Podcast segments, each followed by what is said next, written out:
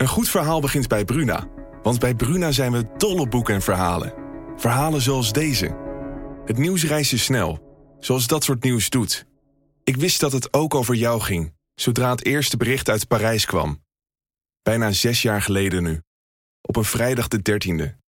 Een datum als een slechte grap. Jij was er ook, Flo. En op jouw profiel bleef het stil. Wil jij weten hoe dit afloopt? Je leest het in Luister van Sascha Bronwasser. Nu bij Bruna. Dit is Trick Privé. De dagelijkse showbiz-update met Evert Zandgoeds en Jordi Versteegde. Nou ja, Nou, nou. alles ziet er nog hetzelfde uit in het nieuwe jaar. Ja, dat verbaast me niks. Je ziet het wel hetzelfde uit. Maar het is, eh, het is, eh, het is weer goed begonnen, hè? Heb, jij, eh, heb jij nog goede voornemens? Doe je daaraan? Nee, Nee. nee. Nee, dat hoeft niet echt, geloof ik. Wat lief. nee, we gaan gewoon hard door met eh onthullen. En, Ja. ja. Ja, nee, dat, dat eigenlijk. En wordt het nog vuurwerk in showbizland, verwacht dat neem ik toch aan van wel. Volgende week maandag om deze tijd is de rechtszaak van eh Kolderweijertje Ja. tegen... Nee, eh, Rachel tegen Kolderweijertje. en dat is al vuurwerk. Utrecht heeft de primeur van dit, eh, van dit titanengevecht. Ja. En eh, ja, nou ja, zo trapt het jaar wel af natuurlijk. ja. Oudjaarsavond heb je nog tv gekeken eigenlijk? Ja, ik heb Claudia de Brij gezien. En dat viel me niet helemaal mee, moet ik zeggen. Ik vond dat het te langzaam op gang kwam om het aan tegen het einde nog goed te maken. Zelfs met hulp van Tchaikovsky. en eh, ik vond hoe zij zich afmaakte van die De Wereld Draait Door affaire. Ja. Ook echt eh, zo teleurstellend. Als je nou zes weken je mond houdt. En zes weken zegt, nee wat ik te zeggen heb doe ik in de, in de oudejaarsconferentie. En je komt daar niet verder dan van nooit een keertje. Dan denk je, nou dat is eh, iets, iets te makkelijk zus. Ja. En dan als ik dan de enorme uithalen zie naar Rutte en de Mol. Dan denk ik, ja, dan, dat is typisch die linkse kerk die elkaar de hand boven het hoofd houdt. En ik vond het echt eh, ver onder de maat van wat je van een cabaretier van haar niveau mag verwachten. Wat ik op zich wel nog leuk vond, is hoe ze Leeuw Kleine en Glennis Grace aan elkaar Dat was verbond. Dat een was- liedje. toen, maar toen begon het ook pas. Ja, eigenlijk. precies. En toen was ze al tien minuten bezig.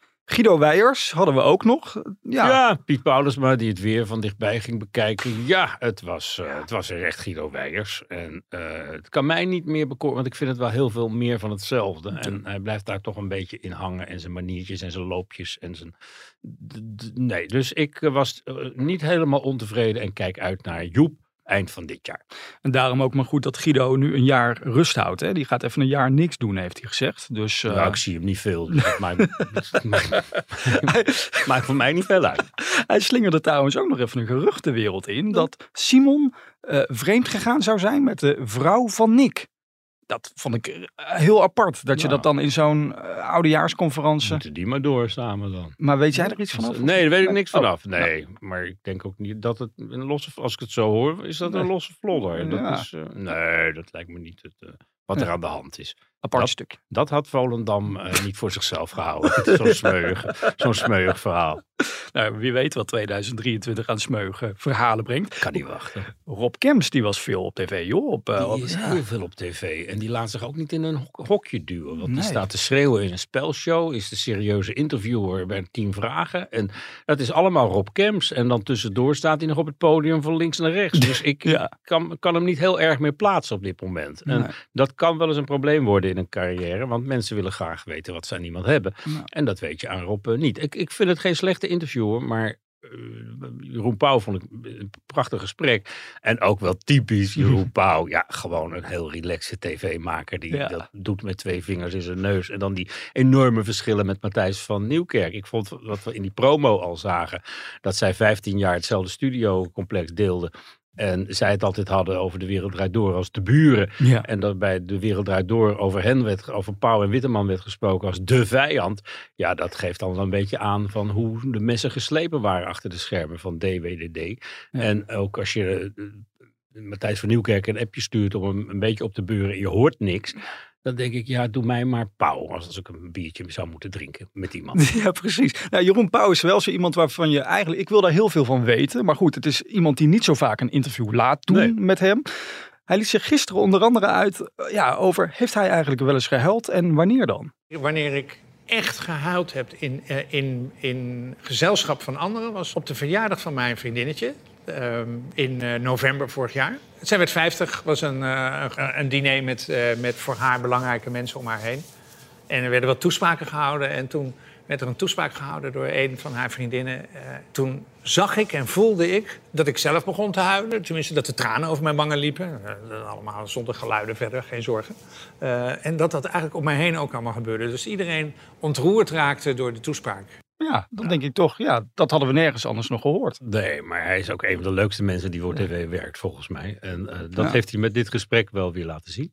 Later deze week nog Johan Derksen in dat programma. We hadden hem vandaag al in de krant hè, met, uh, met John de Bever. Ja, en er komt woensdag nog meer. We hebben een heel uitgebreid dubbel interview gehad met John de Bever en Johan Derksen. Bij ja. Johan thuis, want daar komt de Bever bijna elke week. ja. En dat is wel verrassing. We wisten wel dat ze bevriend waren, maar hoe innig en hoe intens dat ze elkaar elke week opzoeken, ja. dat wist ik niet. En wat zij allemaal samen bespreken. Dat vertellen ze nu ook in dat interview. We hebben een, een voorpublicatie eigenlijk in de krant vandaag. Woensdag komt het hele verhaal. Oh, en het is wel ja. heel geestig. Die twee kerels die zo verschillend zijn. Hè? Als je Johan normaal over homo's hoort, blijkt er een homo een van zijn beste vrienden te zijn. Zijn meest trouwe vrienden ook. Want hij is aardig wat kwijtgeraakt door het kaarsincident. Ja. En dan uh, ja, vind ik dat wel een leuk inkijkje in die twee levens. Ik vroeg me wel af inderdaad over die kaarschel. Hij zei, veel vrienden kwijtgeraakt. Maar hoeveel vrienden heeft hij dan? Want het lijkt me ook iemand die de hele dag binnen plaatjes zit te draaien bij Wel, maar als je van die leeftijd, als je 70 bent, dan gaan er hobbelen dan natuurlijk een aantal mensen al jaren met je mee. In, Ja. En die je hebt opgedaan op je werk, in, in de kroeg en in, eh, noem het allemaal maar op. En eh, als die dan afhaken vanwege zo'n rel, ja, dan weet je waar je aan toe bent. Wie nieuwe vrienden aan het maken is, is André Hazes. Want die duikt in één keer op met nou ja, Billy Dans onder andere, schrijver Ja. van veel hits. Die hebben hem benaderd om eh, nummers te schrijven. Ze hadden er drie klaar liggen. Ze hebben het management van André laten weten van... hey, wil die daar eens naar luisteren, die demo's? En André was daar heel erg eh, van gecharmeerd. En, en het zal ongetwijfeld hitpotentie hebben. Want Billy Dans, die, die, die schudt de hits uit zijn mouw, lijkt het wel. Ik vind Bieber van de Kroeg. eh, nou, noem ze allemaal maar op. Frans. Duits, onder andere. Eh, echt prima oorwormen die, eh, die André niet zouden misstaan. Het is dan wel het gevolg, eh, of het begin eigenlijk van de breuk met Bram Koning Mhm. en Erwin van Hoevelaak, die daar teleurgesteld over waren. En vooral over de manier waarop. Mhm. Maar ja, ik, ik, het maakt mij wel nieuwsgierig naar waar André mee gaat komen. Holland Zingt Hazes is het eerste wat hij weer gaat doen hè, dit jaar. Ja, Holland Zingt Hazes, dat wordt de grote comeback van, van André. Dat is de bedoeling. In maart is dat al. En dan zien we hem voor het eerst weer op het podium. En eh, ja, daar kijkt iedereen wel rijkhalsend naar uit. Leuk om hem weer te zien, maar ook Ja. of hij het nog kan en of hij het weer wil. En eh, dat allemaal. Hij is erg zijn best aan het doen op Instagram om te laten zien hoe vrolijk hij is. Dat, dat valt me op. Hij zit weer in die studio inderdaad en hij filmt het allemaal. Dus ja, benieuwd naar de nieuwe muziek. Nou, vanavond op televisie weer Eva Jinek. Die ja komt die weer heeft terug. eh, Claudia de Brij. En die moet dan toch nog maar eens even doorvragen over eh, de wereld draait door, eh, Ja. lijkt me. Want ja, op dat punt heeft, en niet alleen op dat punt, heeft Claudia wel flink teleurgesteld, vind ik. Wat verwacht jij in Talkshowland dit jaar? Wordt het een titanenstrijd weer? Ja, het zijn altijd diezelfde gasten. En, Ja. en de, gewoon de, de, de, de talkshow die de gast van die dag heeft, die die dag het nieuws bepaald heeft, die, die zou de hoogste cijfers moeten scoren.